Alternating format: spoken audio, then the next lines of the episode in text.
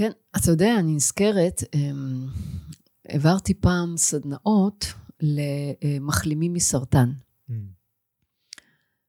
לא היה איש אחד במעגלים שהייתי עושה, שלא ידע בוודאות להגיד מה בחיים שלו לא היה תקין, במה הוא לא התנהל נכון, איפה הוא לא הקשיב לעצמו אה, לפני שהוא חלה. וזה מדהים שאחרי שבאמת אתה עובר מחלה כל כך מפחידה וקשה כמו סרטן, כן, שבאמת מסכנת חיים, אז אתה מגיע לה, להתעוררות הזאת. אולי אפשר לעשות את זה לפני.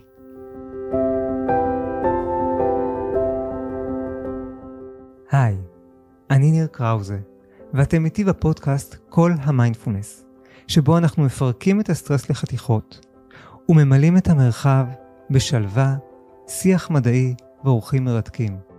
הישארו, יהיה מרגיע.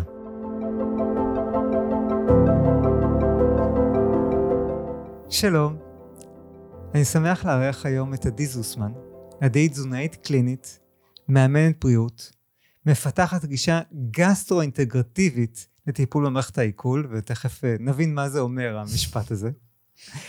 מנהלת ומייסדת מרכז דרך הבטן, וגם הסופרת של הספר, דרך הבטן, שיצא יחסית לא מזמן, אז uh, מזל טוב על הספר, עדי. אני, זוכר, ככה ראיתי בפייסבוק כמה הרבה השקעת בו וכמה uh, uh, פעמים שנסעת לכל מיני מקומות אקזוטיים כדי ככה להתנתק מכל ההמולה, uh, כדי להצליח לכתוב, כי זה לא קל לנו לכתוב ולארגן את כל המחשבות ואת כל הידע, אז תודה רבה, שמעתי גם כבר פידבקים ממש טובים עליו. וואלה. אהלן ניר, תודה רבה. בשמחה. אני אשתוק, אתה תמשיך, נראה לי... You're doing good. אז עדי, אני יודע שאת מטפלת באנשים עם מחלות מעיים, עם בעיות במערכת העיכול, עם כל מיני uh, קשיים uh, ככה של, שקשורים למערכת העיכול. ומערכת העיכול היא מערכת uh, מופלאה, uh, שהרבה שנים התייחסו אליה כמערכת רק uh, פיזית, ובדרך כלל כשלמישהו יש בעיה הוא היה הולך לרופא גסטרו, אז מה ההבדל בין רופא גסטרו לבין גישה שהיא גסטרו אינטגרטיבית, כמו שאת אומרת? מה זה אומר גישה גסטרו אינטגרטיבית? כן. טוב, אני רק, אה, אני כבר אסביר את זה, אני רק אציין שאתה יודע, נקודת הזמן הזאת שאנחנו נפגשים בה היום, אה, מבחינתי נקודת זמן של שינוי. Mm. אני פעם באיזה עשור עושה איזשהו שינוי משמעותי בחיים שלי. אמ, והפעם, אה, השנה, אני הולכת להתמקד לא רק בטיפולים, שזה גם יש לי צוות שעושה והכול, אלא גם בעבודה עם בריאים. Mm. אה, עדיין דרך הבטן שלהם, כמובן. אז זה ככה חשוב, כי אני באמת אה, נכנסת יותר ויותר לעולם של מניעה, הרצאות וסדנאות בארגונים, בחברות. אה, לא לשבת ולחכות בקליניקה שיגיעו חולים, אלא יאללה, בואו נתחיל למנוע את זה כן, כן, מראש. האמת שאני מאוד מתחבר לגישה של אה, מניעה. ואני חושב שגם בחיים שלי אני אגיד, אה, תזונה זה משהו שאני, מצד אחד אני חושב שאני די בריא, אבל אני שם לב לתזונה שלי ודואג שתהיה לי תזונה מיטיבה, כדי שאני אוכל להמשיך להיות בריא. בדיוק, זה נורא חשוב המשפט הזה, כי הרבה פעמים אנשים מגיעים ל... אתה יודע, מגיעים כבר לשלב של מה שאני קוראת לו השלב הירוק בשיטת הרמזור, זאת אומרת, הם מרגישים טוב, כן? למרות המחלה הכרונית שהם אובחנו איתה, ואז הם שואלים אותי, אז אני יכול עכשיו לחזור לאכול הכל? אני אומרת לו, אתה צריך עכשיו לאכול את אותם המאכלים שיעזרו לך לשמור על הבריאות שהשגת בכזה עמל רב. בוא נראה מה זה אומר. כן, אז מה ההבדל? אז, אז מה זו גישה גסטרו-אינטגרטיבית, אז... ומה ההבדל בין גישה כזאת למה שהיה אומר אולי רופא גסטרו? כן. ואני מקווה שהיום הם כבר אומרים יותר דברים ממה שאמרו לפני עשר שנים. יש, יש שינוי, יש שינוי. הוא עוד לא מאה אחוז, עוד לא גורף, אבל בהחלט רואים את השינוי כבר. אה, אולי אני אצטט אבא של ילדה עם קרון, שככה, אני חושבת שהוא אפילו מופיע בספר שלי. הוא אמר ככה, עד שאת הגעת, הייתה כאן שממה קלינית. זה, זה, זה נורא מדויק בעיניי, כי, כי uh, באמת ההתייחסות הייתה למערכת העיכול כמו למכונה. מכונה מתקלקלת, לוקחים אותה למכונאי, נכון? למוסך, נכון. מתקנים. חותכים את מה שלא צריך, נותנים תרופות, שידכאו ויעבדו ויעזרו לה לעבוד כמו שצריך וכדומה. למעשה, עד לפני באמת, אני התחלתי את הפעילות שלי הזאת, בגלגול הזה, אחרי שניהלתי כל מיני דברים, כולל תחום הזנה תוך-ורידית, לפני כ-12 שנה. ועד אז באמת הטיפול היה רק תרופתי סלש ניתוחי. אוקיי? זאת אומרת שנכון להיום בעצם הרופא... מה הוביל אותך בעצם הרופא, שנייה, זה כבר שתי שאלות, שנייה. הרופא בעצם, מה שהוא יודע לעשות זה לתשאל את הבן אדם, להפנות אותו לבדיקות, לפענח את התוצאות של הבדיקות, אוקיי? ולהמליץ לו טיפול תרופתי, או במקרה שהמצב הוא כבר חמור ודורש ניתוח, להפנות אותו לכירורג. זה בעצם מה שעושה הרופא המודרני, אוקיי? הוא יכול לעשות גם גסטרוסקופיה, קולונוסקופיה, שזה אה, בדיקות, בדיקות יותר פולשניות, כן? אבל הוא לא מדבר אה, אה, עם המטופל על רפואות משלימות. הוא לא מדבר איתו לרוב על גוף נפש. הוא בטח לא מתייחס לתזונה. עכשיו, לא כי הוא לא רוצה, כי זאת ההכשרה של הרפואה המודרנית, אוקיי? זה מה יש, אלה העובדות. ולכן מה שבעצם... זה תחום ההתמחות בעצם, זה, זה תחום, תחום הידע. נכון, תחום הידע, זה, זה עולם, לא... בדיוק, זה עולם התוכן של הרופא המודרני. אמ, וזה נורא חשוב להבין, כי המילה רופא לפעמים מטעה ומבלבלת. אוקיי? אבל אנשים הולכים לרופא ומתייעצים איתו אם כדאי להם ללכת לטיפול ברייקי. מסכן הרופא, מאיפה הוא יודע? או מה הוא צריך לאכול. אז משפט שהרבה פעמים היו מביאים מהמטופלים לקליניקה היה, הייתי אצל הרופא, הוא אמר לי, תאכל מה שטוב לך, אל תאכל מה שלא טוב לך. ואיך אני יודע מה טוב לי, מה או, לא טוב לי? זאת השאלה, כן? או גם הייתה, היה משפט כזה כמו, כשאתה בהתקף, אל תאכל סיבים, כשאתה לא בהתקף, תאכל סיבים. המטופל מגיע, אומר, אני לא יודע מתי אני בהתקף, ואני לא יודע איפה יש סיבים. מה אני אמור mm. לעשות עם ההנחיה הזאת? אה, אז שוב, רוב הרופאים היום לא לומדים, לא לומדים תזונה, אין תזונה ב, ב, לעומק בתוכנית הלימודים שלהם, ולכן, מן הסתם, הם לא, הם לא אנשים, זה כמו שאליי לא יבואו להתייעץ איזה תרופה לקחת. אה, איתי אפשר להתייעץ על תופעות לוואי של התרופות, כי יש להרבה מאוד uh, תרופות, תופעות לוואי תזונתיות, אז אני כן אתייחס לזה, אוקיי? אה, והגישה המשולבת בעצם אומרת שגוף האדם הוא לא מכונית שמתקלקלת וצריך להכניס אותה למוסך, אלא הוא מהות מורכבת ומרתקת של גוף, נפש, mind, רוח, שתלויה ומושפעת ומשפיעה על המחשבות, הרגשות, התנועה, המנוחה, מה אנחנו אוכלים, איך אנחנו אוכלים, ועוד מלא מלא שאלות שהרבה פעמים אנשים אפילו לא יודעים שהם לא יודעים. אז הגישה הגסטרו-אינטגרטיבית לא מביאה אלטרנטיבה, היא מביאה אינטגרציה, שילוב עם הרפואה הרגילה, אנחנו צריכים אותה, ורפואות נוספות שהן בתחומים משיקים.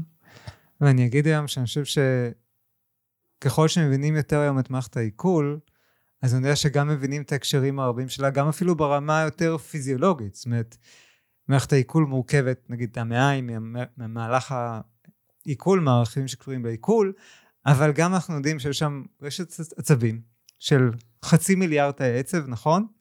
משהו כזה, הרבה. משהו כמו חצי מיליארד תאי עצב, רק לשם השוואה, זה בערך כמו המוח של עכבר. ועכבר הוא יצור די מפותח שיכול לעשות הרבה דברים ויכול ללמוד. זאת אומרת, יש שם מערכת עצבים שיכולה ללמוד, שיכולה להשתנות, אה, ושאנחנו גם, שמפרישה נוירוטרנסמיטרים, נכון?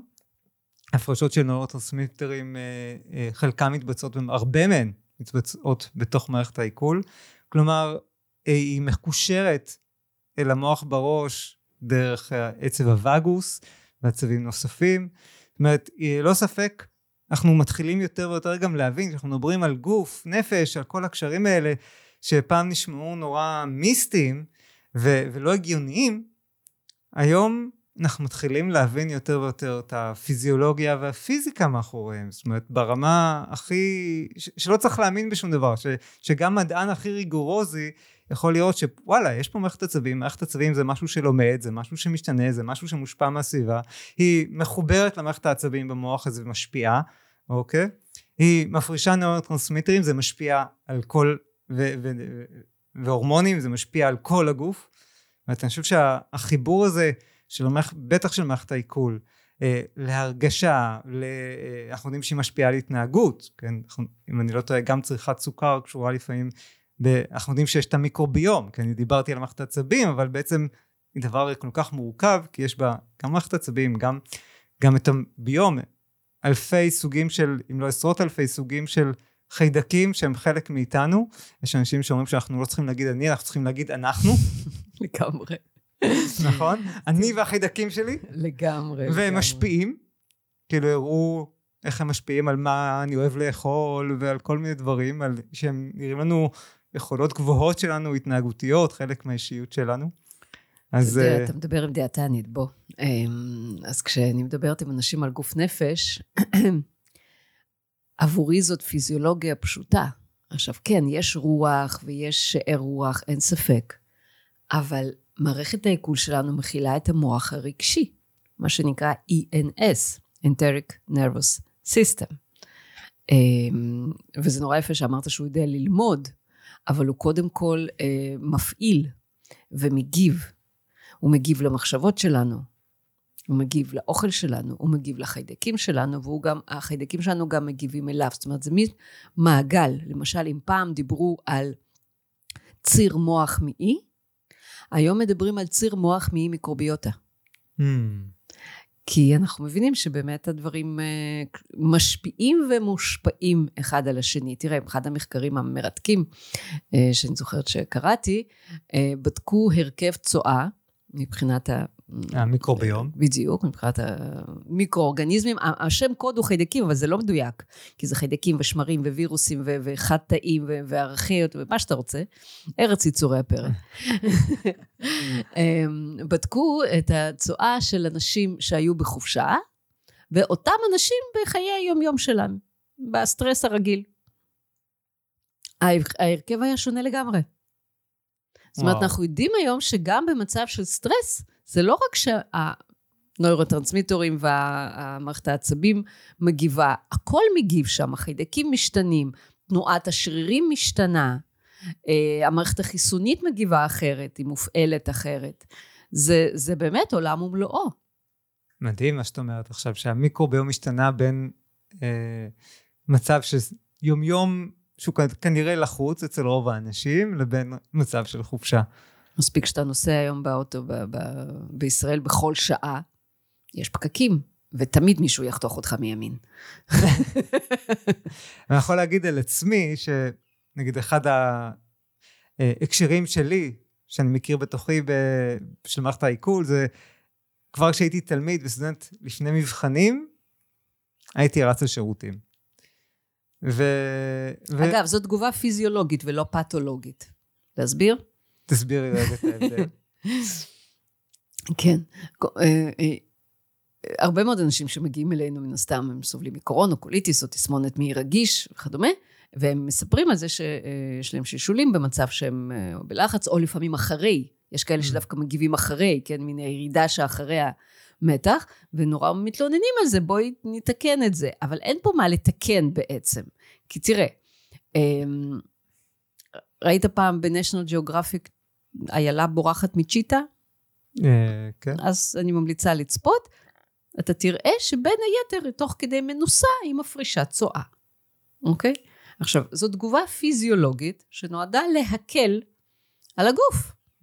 נכון. כמו שזורקים שקי חול מכדור פורח שעולה לאוויר, סיים סיים, אוקיי? זאת אומרת שבעצם הגוף נכנס למצב של מבחינה הורמונלית, מבחינת מערכת העצבים שמופעלת, מופעלת המערכת העצבים הסימפתטית, זאת, ש, זאת שנועדה להבריח אותנו אה, ו- ולעזור לנו. תגובת להילחם או ברכה מפורסמת. בדיוק, בדיוק, או קפה. אמ, והיא לא מיועדת לעכל מזון. זאת אומרת, האסטרטגיה המודרנית, המערבית, של לאכול במצב של סטרס, היא לגמרי הפוכה מהפיזיולוגיה הטבעית שלנו. אנחנו לא אמורים לאכול במצב כזה, אנחנו כן אמורים להפריש את עודפי הצואה. ולכן זו תגובה טבעית. זו תגובה של, של הגוף, שכאמור מופעל על ידי המערכת הסימפתטית. וכשאנחנו נרגעים, והמערכת המופעלת היא מערכת פרסימפתטית, זה בעצם המצב שנקרא rest and digest. זה הזמן לאכול. חזרנו מהציד, הגענו למערה, יושבים עם החבר'ה. אנחנו בטוחים ומוגנים, זה הזמן שבו בדיוק. אנחנו נחים ומעכלים. בדיוק. לא ראית אף פעם איילה, נעצרת באמצע, אני אומרת לנמר, רגע, יש פה פרח חדש, אני צריכה לנשנש אותו. זה לא קורה. זה לא קורה, לא בכדי. גם הגוף שלנו לא מיועד בעצם לאכול במצבי סטרס. אני אגיד, אוסיף על זה, אני הרבה פעמים גם מלמד את זה בקורסי מיינדפולנס, שאני מסביר על מערכת אה, הסטרס, אז אני אומר, כשאנחנו בסטרס, כל המערכת מפנה את כל המשאבים שלה להישרדות. אז עיכול הוא מאוד חשוב, אבל בטווח הארוך. אז כל הדברים האלה שהם לטווח הארוך, כמו העיכול, הפעילות של זה נפסקת בזמן סטרס, אה, או שיש התפנות, שוב, כדי להקל, אבל כל האנרגיה מופנית לשירים, לריצה, להילחם, לברח, לקפיאה לפעמים, גם תגובה של מהמם. סטרס. אה, אגב, גם שיעזור- במצב, סליחה, גם במצב שאנחנו קופאים, יש אנשים שהסוגרים נפתחים. ויש Mm. למשל במצב של בהלה, פתאום יש פיפי, בלתי נשלט וכדומה, אז זה גם כן משהו שהוא חלק בדיוק מאותו מנגנון. ואז אני רוצה לשאול אותך רגע, באמת, אוקיי, אבל זה. אנחנו מבינים עכשיו את מערכת הסטרס. ואני אגיד שכשמישהו בא אליי, זאת אומרת, אני חושב שאחד הדברים שיכולים לעזור למישהו במצב כזה, זה בדיוק רגע לתת לעצמי רגעים של רגיעה. כי בתוך החיים העמוסים שאנחנו חיים, אני חושב שאת הצורך בשקט, בשלווה, אנחנו קצת שכחנו. אנחנו קצת, אה, כחברה, אני אומר, כפרטים בחברה שהיא מקדשת את הפרודוקטיביות, שהיא מאוד אינטנסיבית. אנחנו נוטים להיות חברה ברמת עוררות גבוהה, חברה שהיא כל הזמן במתח ולחץ, והצורך הזה של, של הגוף שלנו, של הנפש שלנו, בשקט, בשלווה, הוא לא מקבל מקום בחיים שלנו, ואני חושב שאחד הדברים שאני עושה בדרך המיינדפולנס זה, זה גם להזכיר לאנשים, גם ללמד אותם כבר. השבוע היו אצלי שתי נשים שאמרו, אני לא יודעת איך להירגע, וזה היה מדהים איך בסוף המפגש אמרו, וואו, אני כל כך רגועה. זה די מדהים איך... אה, זה היה... אני הופתעתי מהפער בין מה שהם אמרו לפני רגע לאיך שהם יצאו. הייתי בטוח, בסדר, אז אם, אם היא כל כך לא רגועה, זה ייקח זמן, אבל זה היה ממש באותה, באותו מפגש, באותו תרגול שעשינו יחד, היא כבר חוותה רוגע אה, משמעותי. אז חלק אחד, אני חושב, זה באמת המקום של אה, בואו ניתן לגוף קצת רוגע ושלווה, וזה יאפשר למערכת העיכול לחזור לעצמה, זה יאפשר לה את אותו דייג'ט, את אותו זמן לעיכול בכלל. נכון. אה. אמ, ואיך זה משתלב אצלך במודל שלך? זה חלק בלתי נפרד מהמודל. המודל של דרך הבטן בנוי בעצם משילוש קדוש. אה, תזונה, בגישה שלי כמובן, שאני גם מלמדת אותה היום לאנשי מקצוע. אמ, רפואה סינית, שזה דיקור וצמחי מרפא. בתפיסה שלי רפואה סינית היא קודם כל אחת הרפואות החכמות. היא מאפשרת האצה של תהליכי ההחלמה הפנימיים של הגוף. אבל דיקור לבד לא מספיק. הרבה פעמים אנשים באים אליי ואומרים לי, אה, כבר עשיתי דיקור, זה לא עזר. כי דיקור לבד לא מספיק. בטח לא למחלות פנימיות, ואנחנו עוסקים פה בדברים כאלה. וגם מצבים, מן הסתם, אני יודע שהרבה מהמצבים שמגיעים אלייך הם הרבה פעמים יותר אה, כן, כן. אקוטיים. בטח, בטח, לגמרי. אמ, ופסיכותרפיה גופנית, שזה להבדיל מפסיכולוגיה, פסיכותרפיה גופנית אה, בעצם עובדת עם המסר של הגוף, מה הגוף שלי אומר לי. Mm. בוא נעבוד עם זה, בוא נבין את זה, ומתוך זה אני יכול להיענות לו. ואם אני יכול להיענות לגוף שלי, אז הוא לא צריך להיות חולה. כי מחלה זה בעצם סוג של אה, קריאה לעזרה של הגוף, אחרי שלא שמענו את הלחישות שלו, כי אנחנו לא שותים כשאנחנו צמאים, ואנחנו לא נחים כשאנחנו עייפים, ואנחנו לא מקשיבים לאינטואיציה שלנו, ואנחנו לא אוכלים כשאנחנו רעבים, אנחנו שותים קפה וחושבים שזה יהיה בסדר, וכולי וכולי וכולי, בסוף, וואלה, אתה לא שומע לי, אז יאללה, זאת הדרך שלי לעצור אותך. כביכול אומר הגוף. אז בעצם ללמד את האנשים להקשיב לגוף. כן, להקשיב לסימנים. העדינים כן. של הגוף ולעבוד איתו. כן, לגמרי. תני אולי דוגמה, מה זה אומר להקשיב לגוף?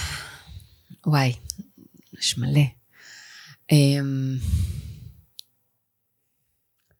נניח, אני חושבת כרגע, היה אצלי אמ, מנהל בנק. אה, באמת, איש איש קולות, וזהו, הגיע אליי עם קוליטיס, אני חושבת.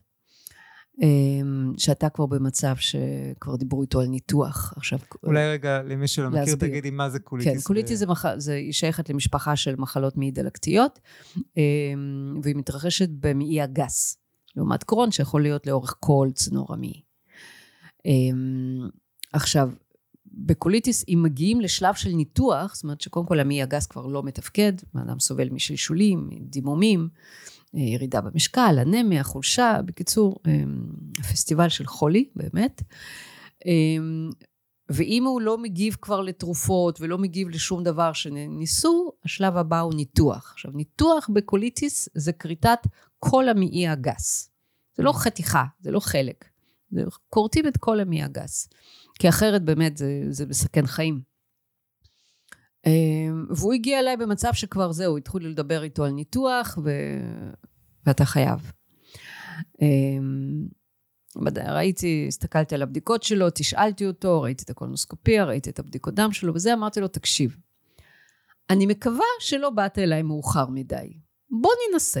אבל, אבל, אני מבקשת ממך לקחת לפחות חודשיים, שלושה, חופשה ללא תשלום, אוקיי? וואו. אתה יכול לקחת, לקבל תשלום, לא אכפת לי, אבל אתה, אתה צריך להיות בחופשה. וכמובן, כל מה שאנחנו יודעים לעשות, שינוי בתזונה, דיקור, צמחי מרפא, אה, עבודת גוף נפש וכדומה. הוא לקח חצי שנה, חל"ת, חופשה ללא תשלום. הוא לא הגיע לניתוח. אמ, הוא הגיע לרמיסיה, שזה בעצם החלמה עם המחלה, והוא החליף תפקיד אחר כך. הוא ויתר על התפקיד המאוד מאוד לחוץ שהוא היה בו, ועבר לתפקיד ניהולי אחר, שקט יותר, רגוע יותר.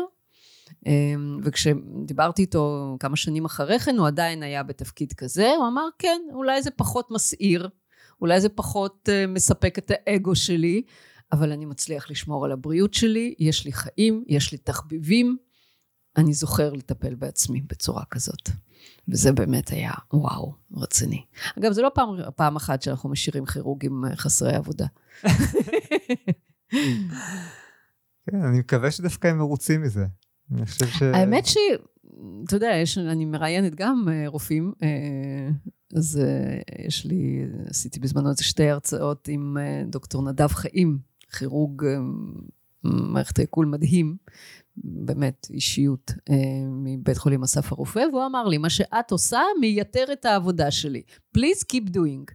בבקשה תמשיכי. כן, אני בטוח שיש להם מספיק עבודה שהם לגמרי. ממש כן, מרוצים, שמי כן, כן, כן. שיכול לא להזדקק לטיפול לגמרי. הזה, נכון. אה, והצליח להתמודד כן, כי אתה יודע, אתה יודע איך אתה נכנס מתחת לסכין, אתה לא יודע איך אתה יוצא. כן. אתה לא יודע מה יכולות להיות הסיבוכים, יכולים להיות הסיבוכים. ו- ואני מניח שיש הרבה השלכות ללחיות בלי מעי גס. זה אני כן. נגיד ממש לא מבין, אבל אני מתאר לעצמי שיש לזה הרבה השלכות. כן, יש היום טכנולוגיה שמאפשרת אה, לחיות בלי מעי גס, אבל זה לא כיף. אני חייב להודות שמה שאמרת ככה, זה כאילו, אני חושב שזה גם איזשהו אה, מעורר מחשבה על החברה שלנו, שכל כך הרבה תפקידים הם בכזה לחץ. זאת אומרת, אנחנו אולי, אם אמרת קודם חברה בלחץ, אז זה אולי הדוגמה הכי חזקה. זאת אומרת, תפקיד שהוא הוא כנראה לא מצא את הדרך לעשות אותו אחרת. זה קצת עצוב, כאילו שיש תפקידים שאתה לא יכול לעשות אותם בלי לחיות כל הזמן בסטרס הזה שהוא... אה, זו שאלה מעניינת, אולי לא, לא אולי ב, בדיוק ב, כן, בעיסוקים כן. שלנו, אבל זה גם משהו לחשוב עליו, אה, ככה שמה התפקיד שלי, אם התפקיד שלי הוא באמת מתאים לי, האם התפקיד שלי אולי מובנה בו הרבה לחץ, וגם נכון. איך בונים תפקידים שישמרו על הבריאות של אנשים. איך מחלקים את העבודה בין אנשים. אה, יש פה בדרך- שני דברים מה שאתה מעלה לדעתי. כי א', באמת המנטליות של החברה שלנו היא, היא חברת וורקוהוליקים. כאילו, אם אתה לא עמוס מכאן עד הונולולו ואתה לא קורס תחת העומס, בעבודה שלך משהו לא בסדר, נכון?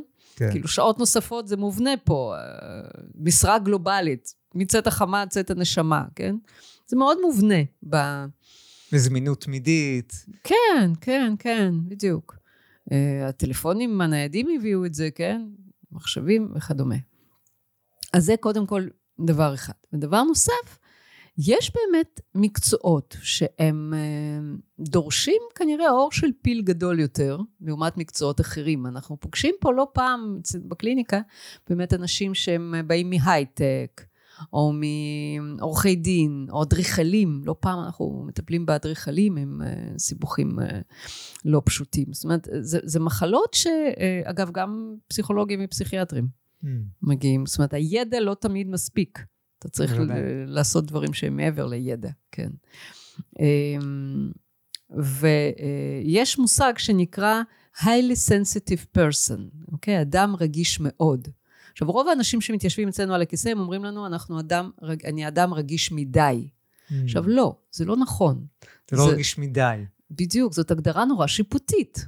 מדי. מדי לעומת מה? לא, יש כ-20-25 אחוז מהאוכלוסייה, שזה אנשים רגישים. שהם בדרך כלל יהיו המטפלים, או אומנים, כאלה. הם פחות יהיו במקצועות באמת של uh, קריירה... Uh, אינטנסיבית. אינטנסיבית, בדיוק. אבל כשמישהו שהוא כזה, כן, יש לו כישורי ניהול, והוא מוצא את עצמו בתפקיד uh, ניהולי. שאלה טובה. הוא חייב ללמוד לנהל סטרס, אחרת זה ינהל אותו.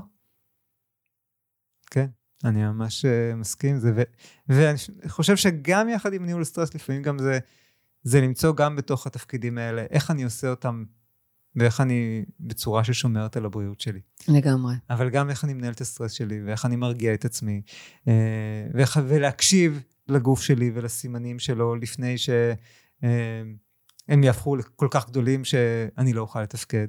אבל אתה יודע, אנשים מגיעים ל... הבנ... לא הבנה, תובנה הזאת, כי הבנה זה בראש, תובנה זה אינסייד, זה כולל את הגוף. בדרך כלל, אחרי שהם כבר חוטפים איזה זפטה. אה, כן, אני חושב שבשביל זה אנחנו מדברים, שזה גם טוב כן. שאת... אה, לעורר את המודעות. אה, ככה מתחילה לפנות גם לקהל הרחב ולנושא של מניעה. כן, כן. כשמתחילים לשמוע את זה לפני שמגיעים לקצה, אז אפשר הרבה יותר לתמוך בעצמנו, לעזור עצמנו, ואפשר למנוע, בסופו של דבר כשמגיעים לקצה, למחלות המעיים הקשות, אז, אז מן הסתם צריך להשקיע יותר, זה יותר קשה, ו- ומניעה דורשת מצד אחד משהו שכל הזמן נמצא שם, אבל גם הרבה יותר מתון. כן, אתה יודע, אני נזכרת, אמ, העברתי פעם סדנאות למחלימים מסרטן. Mm.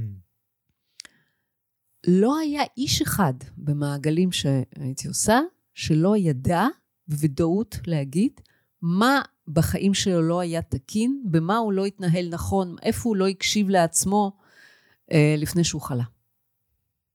וזה מדהים שאחרי שבאמת אתה עובר מחלה כל כך מפחידה וקשה כמו סרטן, כן, שבאמת מסכנת חיים, אז אתה מגיע לה, להתעוררות הזאת. אולי אפשר לעשות את זה לפני. אמן, אמן, כל כך חשוב. ו- ואני חושב שכדי לעשות את זה לפני, אז באמת אנחנו צריכים להתחיל בלהקשיב. להקשיב לעצמנו, להקשיב uh, לרכשי ליבנו.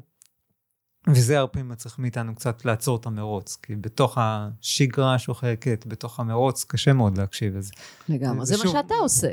כן. אתה מכניס אנשים לגלי מוח אחרים, mm. שונים מהבטא היומיומי שכרגע אנחנו מדברים בו, ושם, ושם אפשר... תדר האלפא או תטא, אפשר באמת להקשיב לגוף. כן, ואני אגיד שגם אני... המדיטציה הראשונה בקורס המיינדפולנס היא מדיטציה של להקשיב לגוף. אנחנו מתחילים מלהפנות תשומת לב לגוף, ממש איבר אחד אחרי השני, ככה לחוש את הגוף, אה, וגם להרפות אותו. כי בדיוק מצד אחד להקשיב, לשים לב לתחושות בגוף, כדי שאני אהיה יותר מחובר לגוף שלי, אנחנו חיים כל כך בראש, במחשבות, ומצד שני להרפות את הגוף, ללמוד להרפות קצת מהמתח בגוף, כי המתח הזה משפיע על מערכת העיכול שלנו, ומשפיע על שרירים וכאבי שרירים וכאבי ראש ו, ובעיות לב ו, וסרטן וכאילו על הכל. על הכל. ועל הבריאות הנפשית שלנו, ועל העצבנות שלנו. שאנחנו צריכים ללמד שלנו. היום אנשים לעשות את זה. אתה קולט אבל? כאילו, מה, מה, מה בעצם אנחנו מלמדים אנשים? doing nothing. כי תכלס, מה זה מדיטציה? אה, כן. זה עושה כלום. אני מודה שאני פחות בגישה הזאת של doing nothing, כי אני חושב אוקיי. שבסופו של דבר זה לעשות כלום שהוא, שבסוף אנחנו עושים בו די הרבה, ויש הרבה פול, הבחנה, הפניה של תשומת הלב, אבל דווקא ג'ון קבטזין, שהוא אבי המיינדפולנס המודרני, הוא הרבה משתעשע עם, ה, אה, עם הנושא הזה של לעשות כלום, של בואו, אנחנו חושבים במדיטציה ובעצם אנחנו עושים כלום, אבל הוא אומר, כלום מסוג מאוד מיוחד. נכון. תראה, אני מסכימה, יש כל מיני מדיטציות, אוקיי? אבל אה, זה לא בכדי שזה נהיה כל כך פופולרי היום במערב, כי אנחנו לא יודעים לעשות כלום. אז גם כשאני כבר יושבת ללא מעש, לפחות אני אקרא לזה שאני עושה מדיטציה. אוקיי, אז זה נותן לעצמי לגיטימציה לזה שאני כרגע לא רצה לשום מקום. יש ספר נפלא שהגיע לידיי לאחרונה. אה, הוא גם הומוריסטי, אבל גם מאוד מעניין. הוא נקרא אלוף בתלות. לא מכיר. אה, לא שמעתי אני. ממליצה, אתה תעוף עליו, באמת. אה, הוא מתאר שם אה, את המהלכים ההיסטוריים, הפוליטיים, האנתרופולוגיים, שהביאו לזה שהפכנו להיות חברה של doing, human doing אה. במקום human being, כן? אה, ובאמת, המקום הזה של, ה- אתה יודע, לרבוץ במיטה, זה לא לגיטימי. מה אתה רובץ? נכון? קום, תעשה משהו, תעשה ספורט, אם זה שבת. אבל זה בדיוק המקומות שאיבדנו. איבדנו את המקום הזה של פשוט להיות, להיות בנחת. כן. המערכת הפרסימפטית שלנו לא מספיק נצרכת. כן, אני מסכים. אה, להיות בנחת, ה...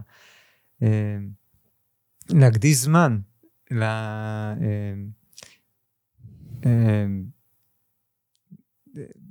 ולנוח ולהקל. אותה פעילות של מערכת פרסימפטית, של מערכת רגיעה, שכשהיא פעילה אנחנו, ב- מערכת העיכול יכולה להקל, אנחנו נחים, אנחנו גם, יש איזו למידה לטווח רחוק שמתרחשת, זה, זה הזמן גם שאנחנו מפעילים את מערכות של הקשר והאהבה והקרבה, כן, שאנחנו בתוך הסטרס.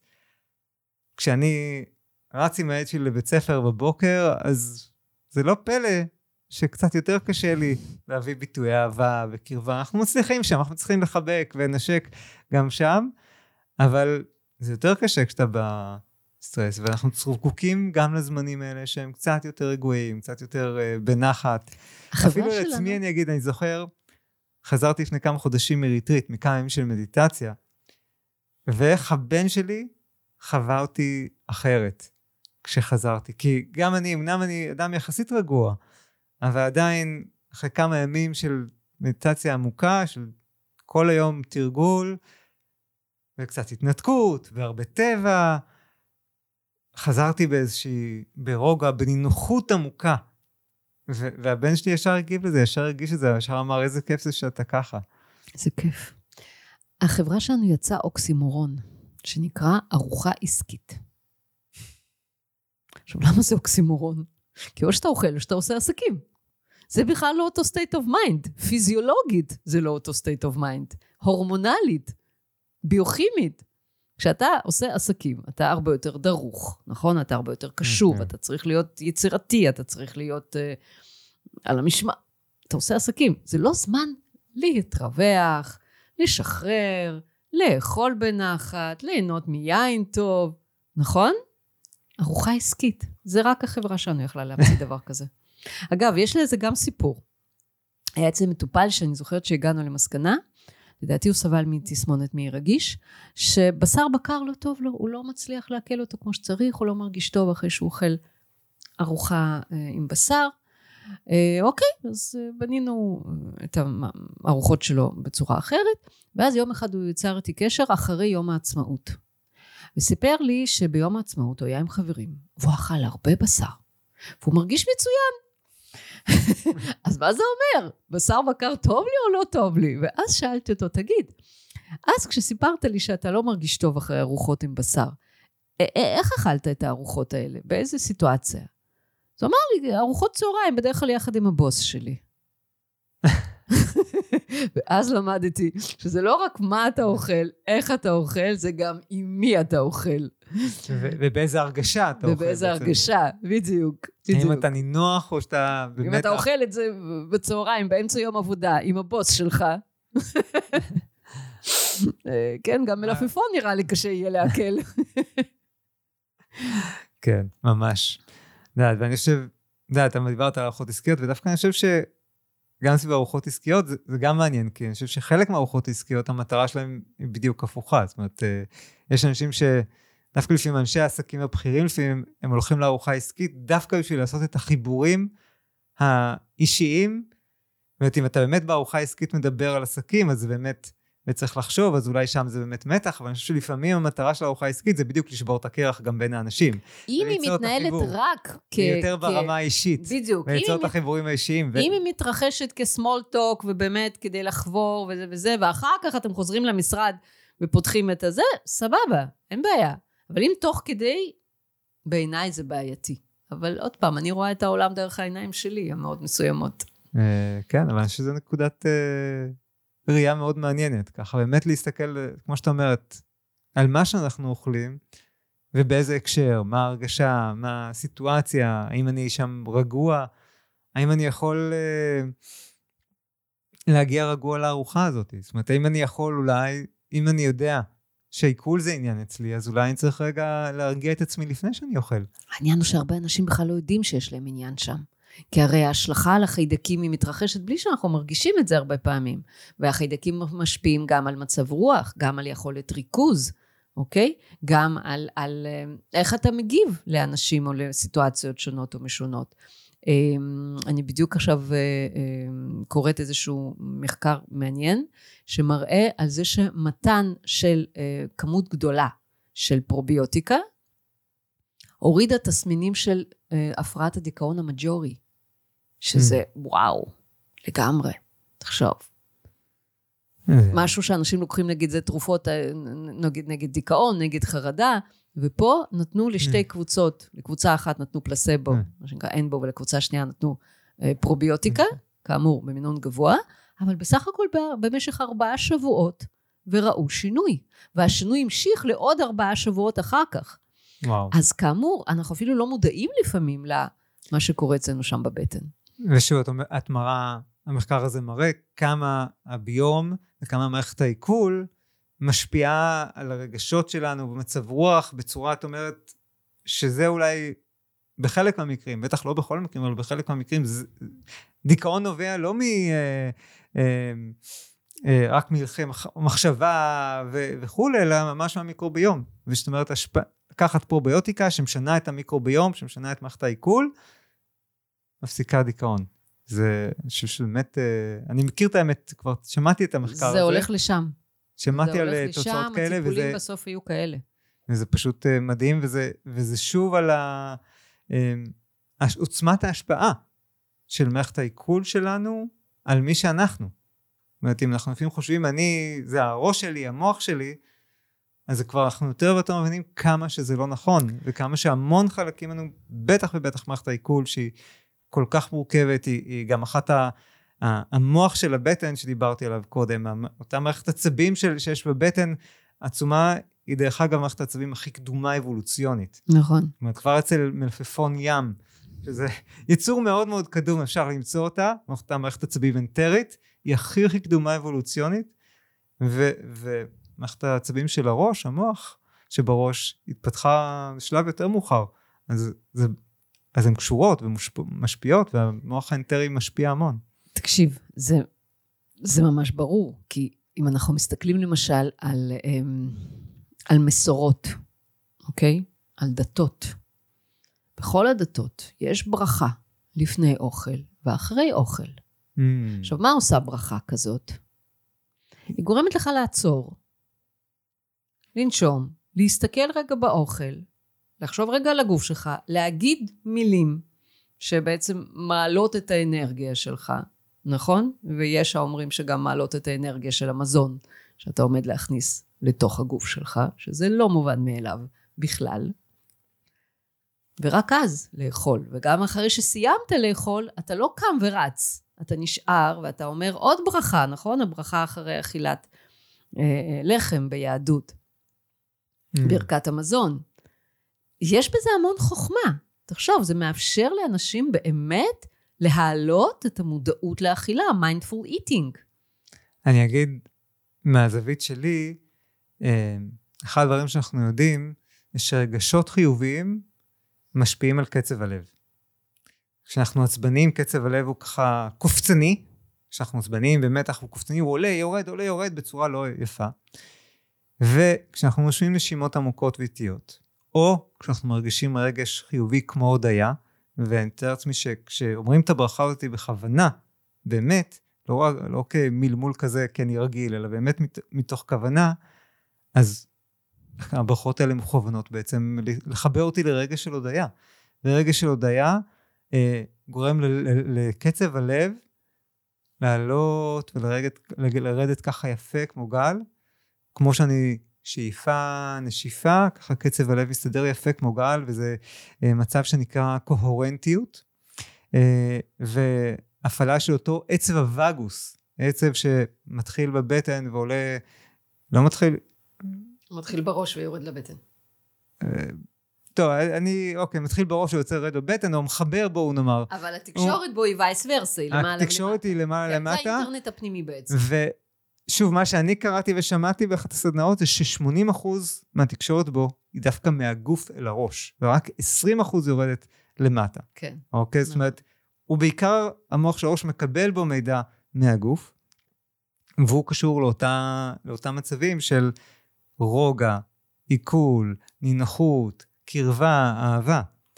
אז מה שאת אומרת, בעצם הברכות מחברות אותי לרגש של הודיה, לרגשות חיוביים, הלב נכנס למצב קוהרנטי, מתחבר ל, לאותה אה, הוויה של רסט ג'סט, להפעלה של מערכת הפרסימפטית כשאני אוכל. איזה חיבור mm, יפה. הכל פשוט, הכל פיזיולוגיה בסוף.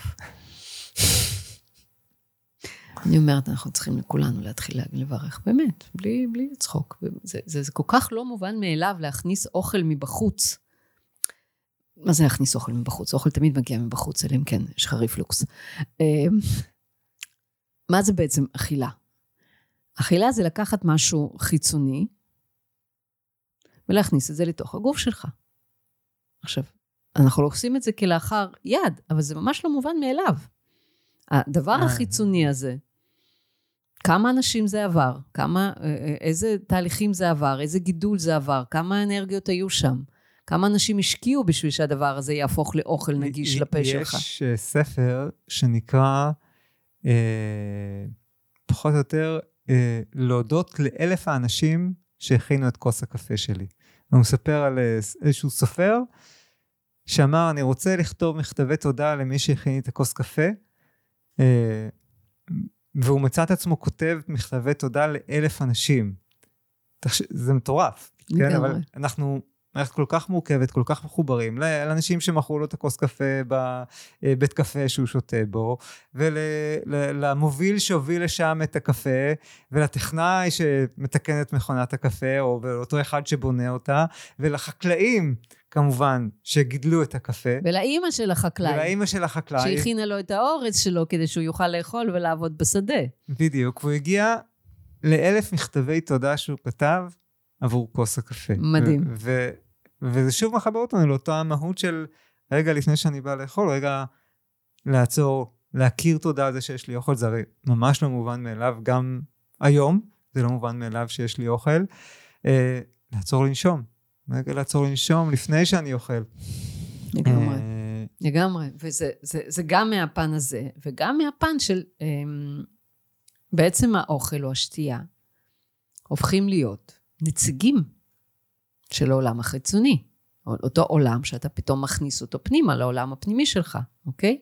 עכשיו, אם יש לך בעיה עם העולם החיצוני, אם אתה חווה אותו כפוגעני, כמסוכן, כמשהו שאתה לא יכול לסמוך עליו, תהליך העיכול שלך יהיה בהתאם, והספיגה. Mm. ואנחנו רואים את זה המון בקליניקה, שאנשים ממש מספרים, מס... היום, היום אצלי זוג, והוא ככה בצחוק הוא אומר, היא אלרגית לאוכל. כל מה שהיא אוכלת, היא לא מרגישה טוב.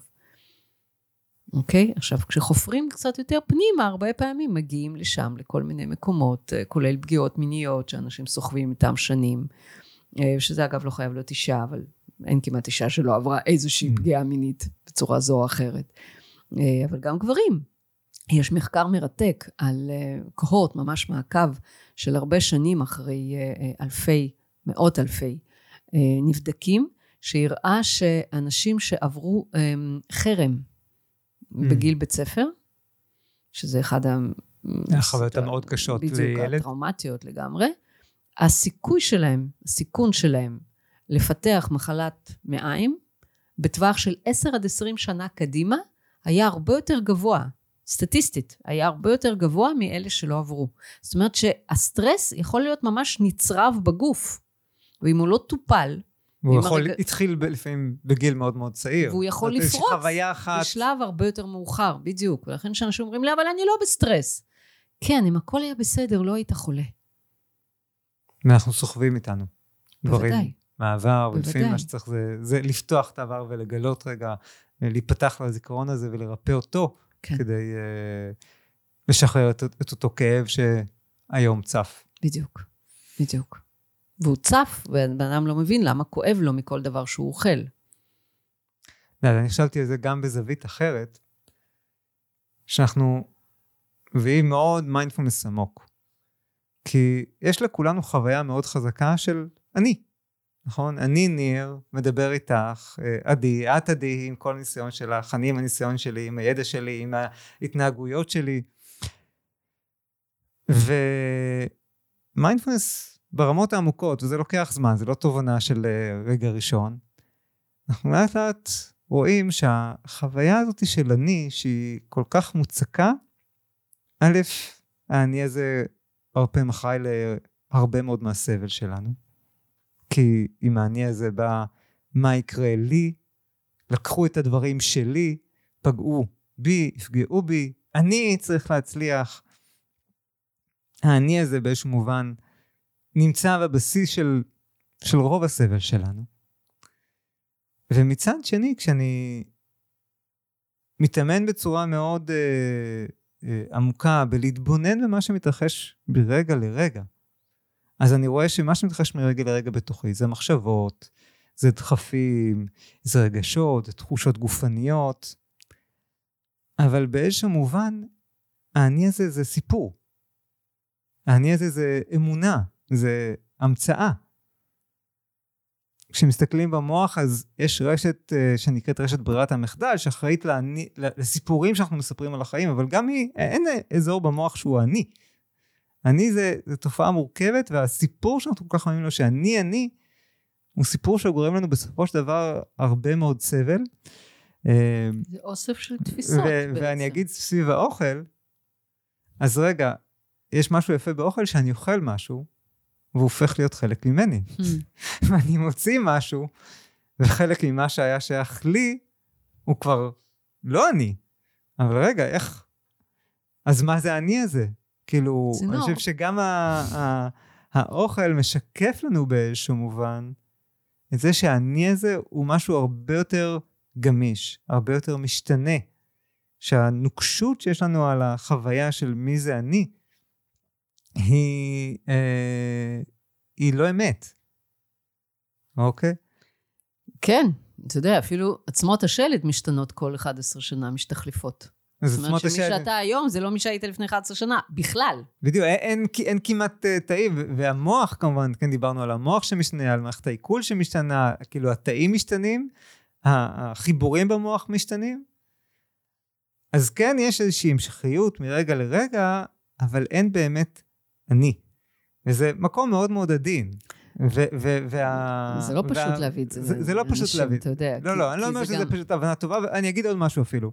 בשיא הכנות, זה, זה הבנה אה, שיש לי אותה שנים, ועדיין אין לי אותה.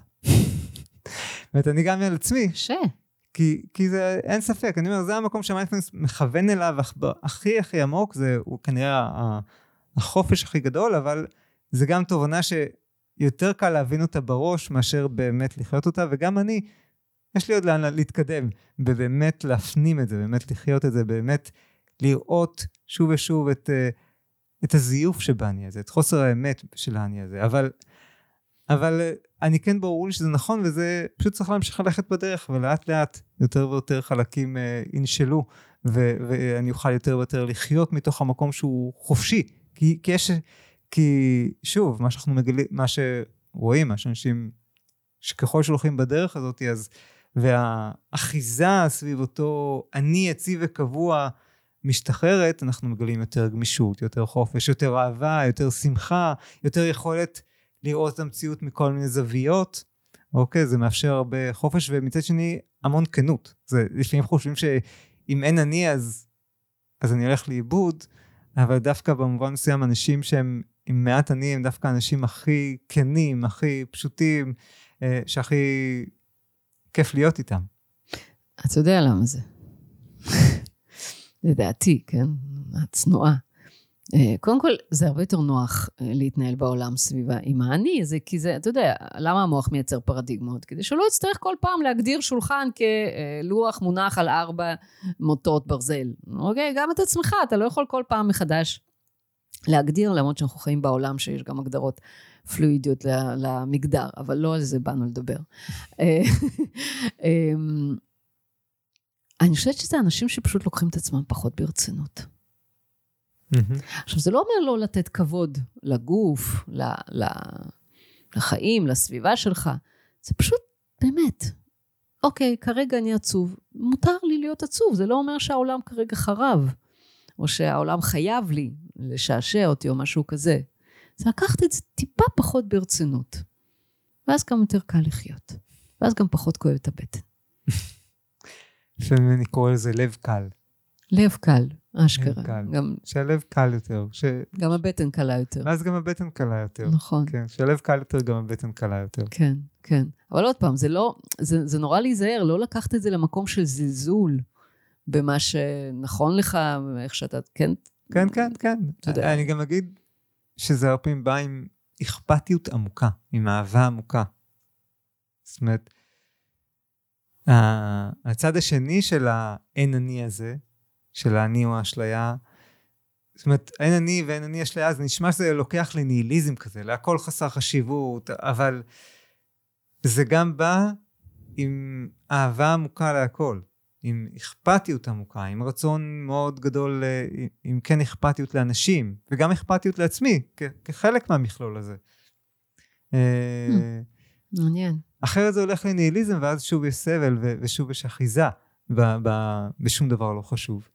ושוב, המקום ש, שאני מכוון את עצמי אליו, ושאני מכוון, בעומק בעומק מכוון אנשים אליו, אה, ו, וכמו שאני תופס את המיינדפלנס לשם הוא מכוון, זה מקום שמצד אחד אין את האחיזה הזאת באני, שיש יכולת יותר ויותר לראות את האשלייתיות שבו, ויש יותר ויותר חופש, ומצד שני, כן יש אהבה עמוקה, ואכפתיות עמוקה, וחמלה עמוקה, אוקיי? גם כלפי מי שאתה. כלפי כולם, ואני כחלק מכולם. בדיוק. אנשים לא, שוכחים לא, באמת שה... זה לא רק לאחרים, אלא, אלא אליי כבלתי נפרד מהמכלול. וואי, זה קריטי מה שאתה אומר עכשיו, כי אתה יודע, המילה נתן היא דו-כיוונית. נון, תף, נון. Mm. לכל כיוון. עכשיו, למה זה חשוב לזכור את זה? שזה היופי של עברית בעיניי.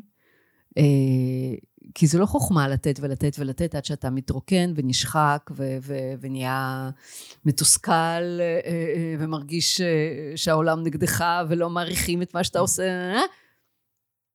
אם אתה יודע לתת גם לעצמך, אז אתה גם יודע לשים את עצמך ואת הצרכים שלך בלא פחות קדימות מצרכים של אחרים.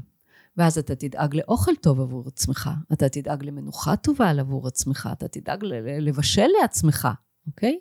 כי אתה לא פחות חשוב מהילדים שלך ומהבוס שלך ומ... ומהחבר שלך שבדיוק זקוק ממש ממש לעזרה. יש משפט של הבודה, אני ככה אצטט אותו שוב, מהזיכרון, אין אדם הראוי יותר לאהבה שלך בכל היקום כולו. אין אדם הראוי לאהבה שלך יותר מעצמך.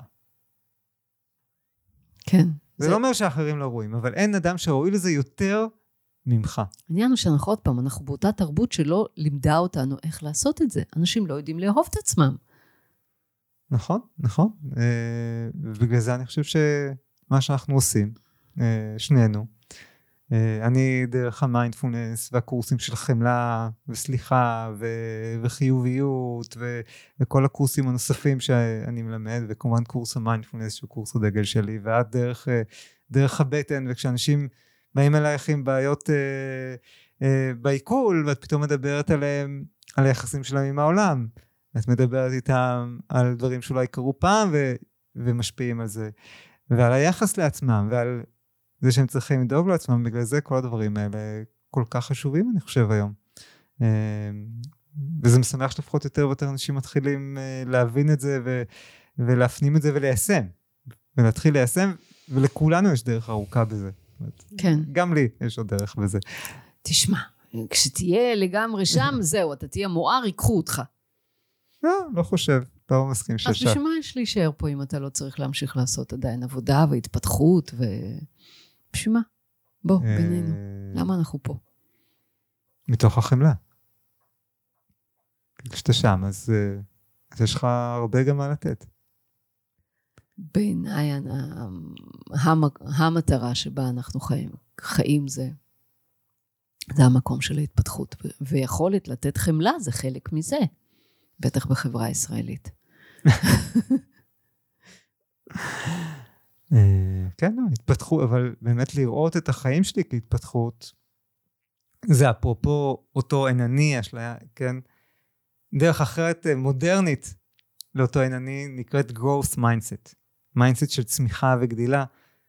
growth mindset. growth mindset, mindset של צמיחה. תפיסת עולם ש, שרואה באתגרים ובקשיים את המקום שבו אני צומח וגדל ולומד ממנו ומתפתח. ובעיניי ה mindset של, של צמיחה זה איזושהי וריאציה מודרנית על אותו אין אני שהבודהא לימד אה, לפני 2500 שנה, אין אני יציב וקבוע שהבודה לימד. אז אה, Mm. כי זה תופס את עצמי שוב, לא כמשהו יציב קבוע, אלא כמשהו, משת... אלא כמשהו דינמי, משתנה. דינמי, משתנה, אה, שיכול להגיב בסיטואציות שונות בדרכים שונות, שיותר נוכח בהווה, שצומח, אה, שגדל עם ה- מהאתגרים. זה מעניין שאתה אומר את זה. אתה יודע, אחת הבקשות הכי נפוצות בקליניקה, זה תעזרו לי לחזור להיות כמו שהייתי. ואנחנו לא יכולים לעזור לך לחזור להיות כמו שהיית. אנחנו יכולים ללמד אותך לחיות מחדש עם מי שאתה היום. איזה ניסוח יפה לקבלה. את יודעת, אחד הדברים שבמיינדפולנס לכל אורך הדרך אני ככה נמצאים זה הקבלה העצמית. אה, ו- ואני חושב שהמשפט שאמרת, שאני אני לא יכול לחזור למי שהייתי, אבל אני יכול ללמוד לקבל ול- את עצמי כמו שהיום, וללמוד לחיות עם עצמי כמו שאני היום. ולתחזק. ולתחזק את זה, זה משפט של קבלה, של לקבל את זה שזה מה שיש עכשיו, זה הגוף שלי עכשיו, זה הרגישויות של הגוף שלי עכשיו. אבל לפעמים אנשים חושבים שקבלה זה לוקח למקום הפסימי, הפסיבי, זה ככה ואין מה לעשות, וקבלה אומרת זה ככה, ו- ויש הרבה מה לעבוד עם זה, יש הרבה מה לעשות עם זה, יש הרבה דרכים אה, לחיות טוב עם הדבר הזה, יש הרבה דרכים לטפל בזה, להגיע ש- סביב מחלות מים, להגיע לאותה רמיסיה, לאותה החלמה, שהבטן לא תהיה כל כך אה, אה, סוערת, כי אני אדע אה, לאכול את הדברים שנכונים לי, כי אני אדע לנוח, כי אני אדע לנשום לפני שאני אוכל, אה, כי אני אחיה באורח חיים, בסביבת חיים שהיא יותר מיטיבה איתי, כן, הרבה דברים. ולאט לאט, כל דבר כזה, כל שינוי כזה לאט לאט, ובהקשבה ובגילוי, כן, לא, אנחנו לא יודעים ישר בהכרח מה הדרך הנכונה שלנו, מה התזונה שנכונה שלנו, נכונה לנו, זה, זה תהליך של גילוי. אה, אני עם התזונה שלי הרבה פעמים מנסה כל מיני דברים, מנסה תוספים, אה, כדי לגלות מה יהיה מיטיב עבורי. כן, זה, זה נורא נוגד את התפיסה המודרנית על מחלות. אתה יודע, יש לנו אגודות למלחמה Mm. בכל דבר. ואנחנו באים ואומרים, לא, בואו נעשה השלמה. עכשיו, השלמה לא ממקום של to surrender, אלא ממקום של שלום. וממקום של שלום אני יכול באמת אה, ללמוד לטפל בעצ- בעצמי, בגוף שלי, לתחזק את הבריאות שלי, ולא להיות ב-state of mind של מלחמה, כי אין שם באמת מנצחים, הגוף תמיד מנצח אני חושב בסיפור הזה. שזה זה שוב חוזר לאותה מבט של נקודת, אה, של מערכת עצבית, סימפתטית ופרסימפתטית, האם אני בעוררות או ב-rest and digest, בלנוח ולהקל, כי מלחמה לוקח אותי להילחם בברח, לוקח נכון. אותי למערכת הסימפתטית. ו- אגב, זה לא רע... ש... זה לא רע להיות בעוררות, בתנאי שהיא עוררות באמת של, אמ, של סקרנות, של התרגשות. זה כן, גם עוררות. כן, כן, ואנחנו זקוקים לשתיהן, כן? זה לא ש... גם אני, אני לא חושב שאנחנו צריכים להיות כל הזמן בפרסימפטטי. ברור. זה ברור.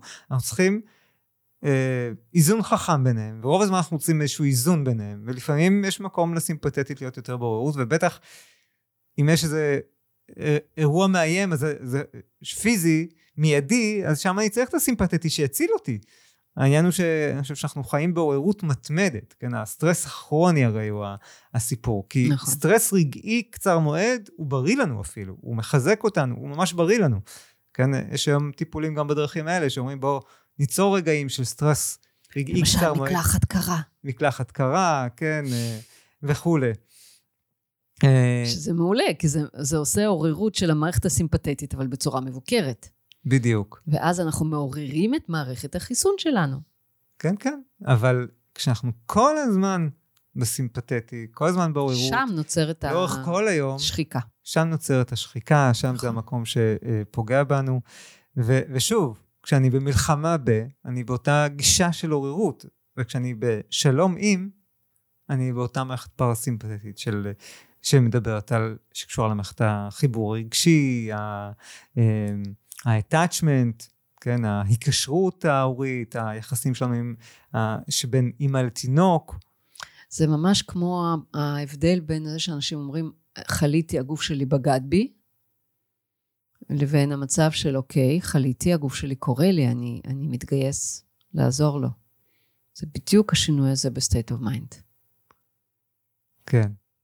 ו- וזה גם אפילו מעניין המילה שאמרתי, מתגייס. איך עדיין המתגייס נכון, הזה... עדיין המיליטריזם הזה תקוע. המיליטריזם שלנו, המלחמה שלנו, כאילו, מתגנבת פנימה. הגוף שלי קרא לי, ואני פה איתו. אני נכון. נוכח איתו. אני מקשיב לו. אני אוהב אותו, אני מחפש לעזור לו. זה ממש ככה, כן. הרי אנשים באים אלייך ואליי כדי ללמוד לעזור לגוף שלהם. לא, הם באים כדי לתקוף את זה בכל החזיתות. ציטוט. Mm. כן, כן. אבל אני חושב שבסופו של דבר, מה שהם מקבלים, מה שהם לומדים, זה איך לאהוב את הגוף. ב... ולאהוב את הגוף, יש אלף דרכים כנראה לאהוב את הגוף. כן, אבל אנחנו ו- יודעים, וזה לא פשוט. וזה לא פשוט לנו. זה לא פשוט כן. ללמוד, במיוחד ללמוד לאהוב גוף שפתאום מתפקד אחרת, פתאום כאוב, פתאום חולה, פתאום חלש, פתאום סוגר אותנו בבית בשירותים.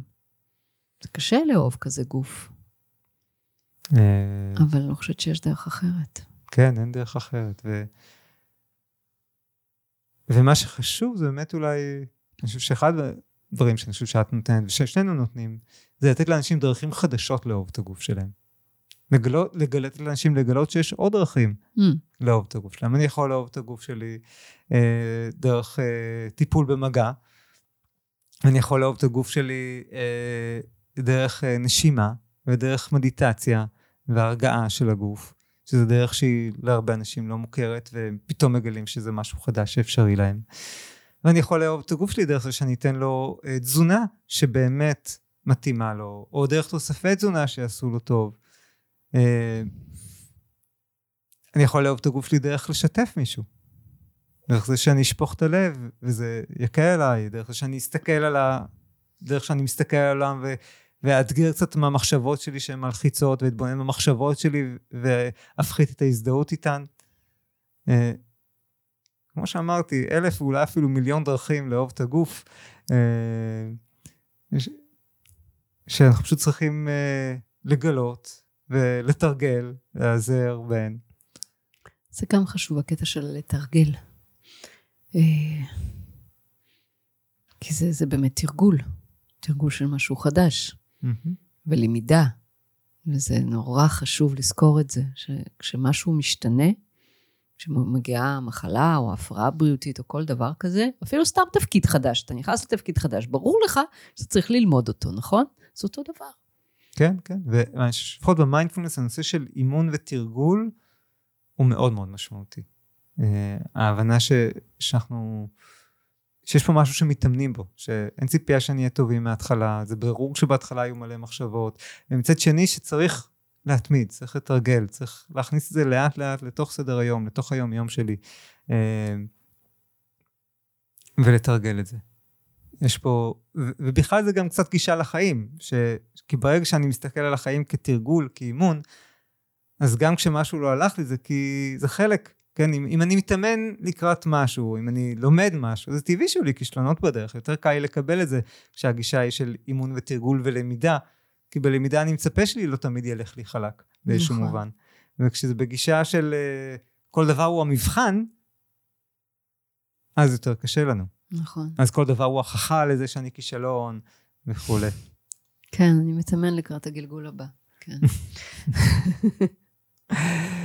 עדי, אנחנו, תודה רבה שבאת, ואנחנו לקראת סיום, ולפני שנסיים, אני רוצה לשאול אותך כמה שאלות. אז אה, קודם כל אני רוצה לשאול אותך, אה, מה היום אה, מוציא אותך מהשלווה שלך? מה היום ככה מכעיס, מסעיר? מה הדברים שהם עבורך טריגרים היום? לכאן או לכאן. כן, איזשהו משהו שככה את אומרת שזה עוד משהו שאני מתמודדת איתו. וואו. זה דברים שצריך לשלוח לפני השיחה. מה מוציא אותי מהשלווה? מה מוציא אותך מאיזון? אמ,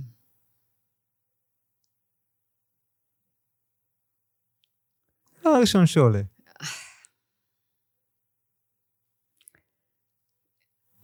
המקום שאני רואה אמ, חוסר צדק mm.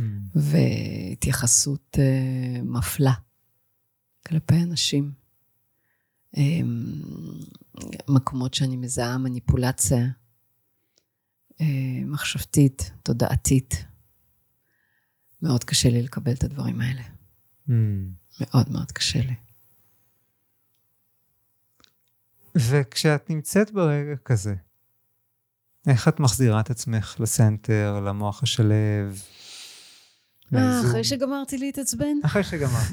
אז א', אולי חלק מזה זה להתעצבן, כן? אולי חלק כן. מזה שאני קודם כל מתעצבנת. נכון. אה, ולכולנו יש טריגרים כן. ועדיין התנהגויות אוטומטיות, וחלקם גם לפעמים מיטיבות, שיש מול חוסר צדק, לפעמים אנחנו...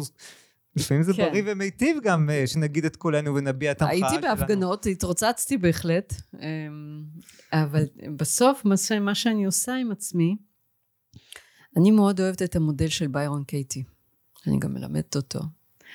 אה, אני מזכירה לעצמי איפה יש לי כרגע יכולת השפעה, mm. ואיפה אין, ומהי יכולת ההשפעה שיש לי. ומשתדלת להיכנס למקום הזה. וזה בדרך כלל מקום שהוא מאוד uh, מרגיע. Mm. כי אין מה לכעוס על השמש ששוקעת. נכון. גם אם זה לא מוצא חן בעיניי. אוקיי. okay. יפה. אז תזכור איפה יש לי יכולת השפעה, איפה אין לי, לקבל את מה שאין לי, ול, ולפעול איפה שיש לי. בדיוק. יפה, יפה. אני חושב שזה גם, שוב, בהקשר של חוסר צדק, אני חושב שגם מול חוסר צדק זה מצד אחד חשוב שנחזור לאיזון שלנו, אבל גם חשוב שנפעל. זאת אומרת, אני לא, לפחות התפיסה שלי זה לא שאנחנו אמורים להיות במוח של לב כל הזמן, ובטח במקום שהוא אדיש. נכון, אה, אבל הפעולה יכולה להשתנות. אבל פעולה יכולה להשתנות. לפני שנתיים הייתי בהפגנות, היום אני במקום אחר, ואני פועלת ממקום אחר, מתוך המקום שהוא נכון עבורי כרגע, כי אני מסתכלת קודם כל על, על הגוף שלי, על מה נכון לו כרגע, mm. אוקיי? ופועלת משם. יפה. ואני מאמינה שבסופו של דבר, אם כל אחד ידאג ל... לחלקת האלוהים הקטנה שלו, לא ממקום אגואיסטי, אלא ממקום של איפה האחריות שלי לטוב בעולם, בסוף העולם יהיה עם הרבה טוב. כן, כן, אני מאוד מאמין בזה. והשאלה האחרונה שאני רוצה לשאול אותך, האם יש איזשהו תרגול שמבחינתך את התרגול שלך, התרגול היומי שלך, משהו שהוא חלק מהיומיום שלך, המדיטציה שלך, או תרגול אחר, שהוא חלק מהסדר יום שלך. אולי יש לא. כמה, אז יש תבחרי כמה. אחד. בטח, יש כמה. קודם כל, פעילות גופנית מבחינתי היא ממקום מאוד מדיטטיבי. אה, ואני מגוונת. אה, יוגה, הליכות, אה, ריקוד, אני רוקדת. אה, ואם, אין, ואם אני יכולה לעשות את זה רק בבית, אז אני אעשה את זה בבית, ואם אני יכולה לצאת, אז אני אעשה את זה בחוץ, אז זה דבר ראשון. אה, יש לי כמה מדיטציות שאני משתמשת בהן באופן די קבוע. אה, הרבה פעמים מד- מדיטציות של הודיה. אני אוהבת מדיטציות של אה, אפונופונו, Mm. שזה אני עובדת מאוד חזק עם הגוף שלי. אני יכולה לעשות את זה בבוקר, אני יכולה לעשות את זה באמצע היום. אה, בלילה קצת פחות. אבל אה, כן, בוקר ואמצע היום זה מקומות שבהם אני באופן קבוע כמעט מפעילה. כן, לפעמים גם באמצע הקליניקה, אני פתאום ככה, יש לי רבע שעה, אני עוצרת, יושבת, נחה, מתרכזת בנשימות, מתרכזת בהרפאיית הגוף, אומרת תודה לגוף שלי, מוכנה להמשך. מקסים, מקסים. כי שוב, כמו שאמרנו, זה לא מספיק רק אה, לדעת, חייבים לתרגל, ליישם, אה, להכניס את זה לתוך השגרה של אה, היום שלנו, ולמצוא את הדרכים שהכי מיטיבות זה כמו איתנו. מקלחת. אנשים מתקלחים כל יום, מצחצחים שיניים כל יום, אז אתה צריך לנהל סטרס כל יום. נכון, בדיוק. תודה רבה, עדי. תודה לך, היה הייתה שיחה כיף. מדהימה, היה כיף, באמת לקחה אותנו למחוזות מאוד עמוקים, אני חושב. אני מקווה שגם אתם שצופים בנו נהניתם. תודה רבה רבה. תודה, תודה, ניר, שהזמנת אותי. ואני מזמינה אנשים להזמין את הספר שלי. אז כן, נגיד באמת, אה, תגידי שנייה, איך, איפה עוד אנשים יכולים לפגוש אותך? אה, מילה על הספר אולי, על ה... אז אה, אני קלה להשגה. אז הספר נקרא דרך הבטן, אה, אפשר להזמין דרך האתר שלנו, אפשר להשיג אותו בצומת ספרים, סטמצקי. אנחנו מסיימים תרגום לאנגלית, יש כבר כמה הוצאות בחו"ל גם שמתעניינות. יפה. כן, כן, כבר סגרנו עם איטליה, עכשיו אנחנו מחכים לעוד אה, תשובות מעוד מקומות. אז הספר מעורר הרבה עניין, ובאמת התגובות אליו גם אה, מאוד מעודדות אותי. אמ, יש ערוץ ביוטיוב של דרך הבטן, כאמור יש את האתר שלנו. מה עוד יש בעולם? סדנאות, טיפולים כן, אישיים. כן, כן, כל מה, ש, כל, מה ש, כן. כל מה שהמרכז שלנו מספק, וכאמור, לאחרונה יותר ויותר חזרתי בעצם לארגונים, כי עשיתי את זה פעם, ואחר כך ככה קצת יותר הלכתי למקום של החולים, והיום אני חוזרת, ו- והתגובות הן מאוד טובות עם ה... באמת ארגונים. אה, הרצאות, סדנאות, גם, כי באמת לא צריך לחכות שתהיו חולים. זה הזמן לעבוד נכון. על החוסן של האנשים. תודה רבה. תודה לך.